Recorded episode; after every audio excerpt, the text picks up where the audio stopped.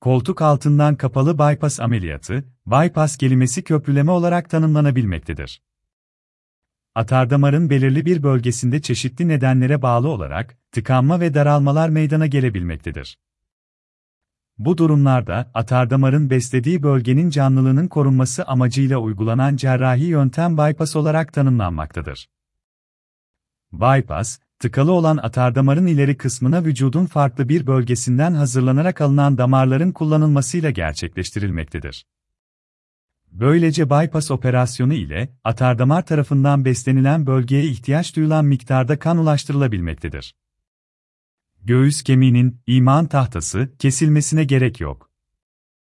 Günümüz teknolojisi ile kemik ve kas kesilmesine gerek kalmadan koltuk altından gerçekleştirilecek 6 ile 7 santimetreliklik kesilerle bypass ameliyatını yapabilmekteyiz. Bu uygulama geçmişte uygulanan yöntemlere nazaran çok daha rahat gerçekleştirilmektedir. Klasik yöntemde yıllardır kalp ameliyatları göğüs ön duvarının kesilerek, iman tahtası, sternum yapıla geldi.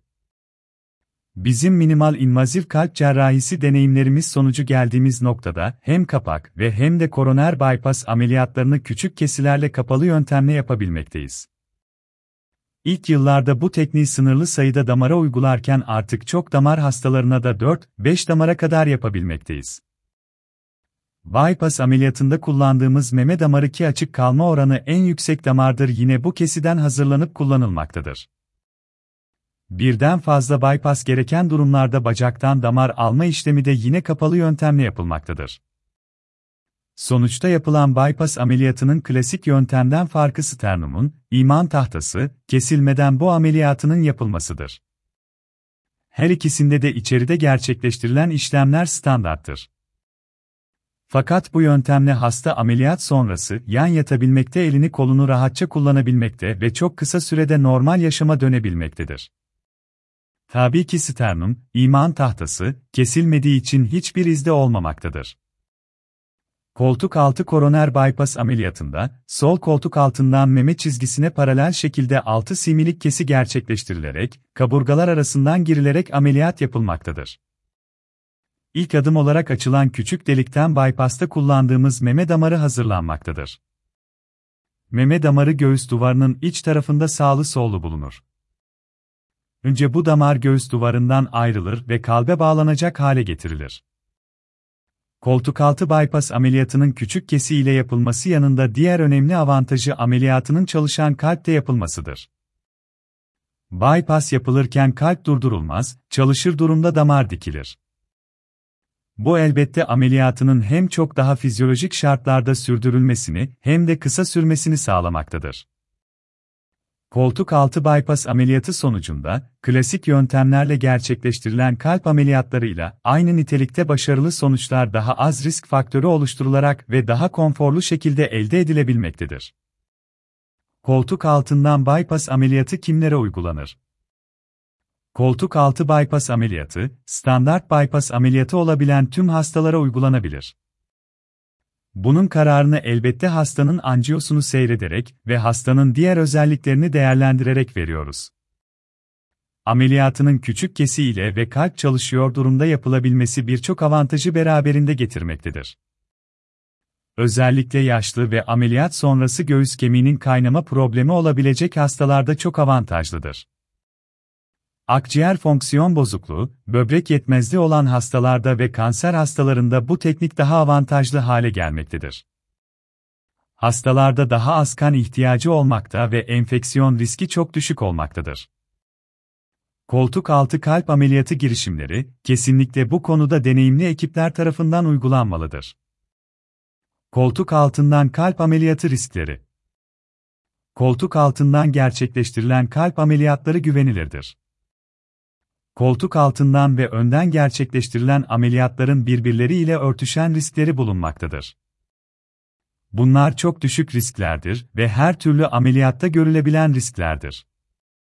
İkinci kez yapılan kalp ameliyatları hakkında bilinmesi gereken bir diğer detay ise, önceden operasyon için önden açılan bir hastanın ikinci operasyon için tekrar önden açılmasının riskli olacağıdır.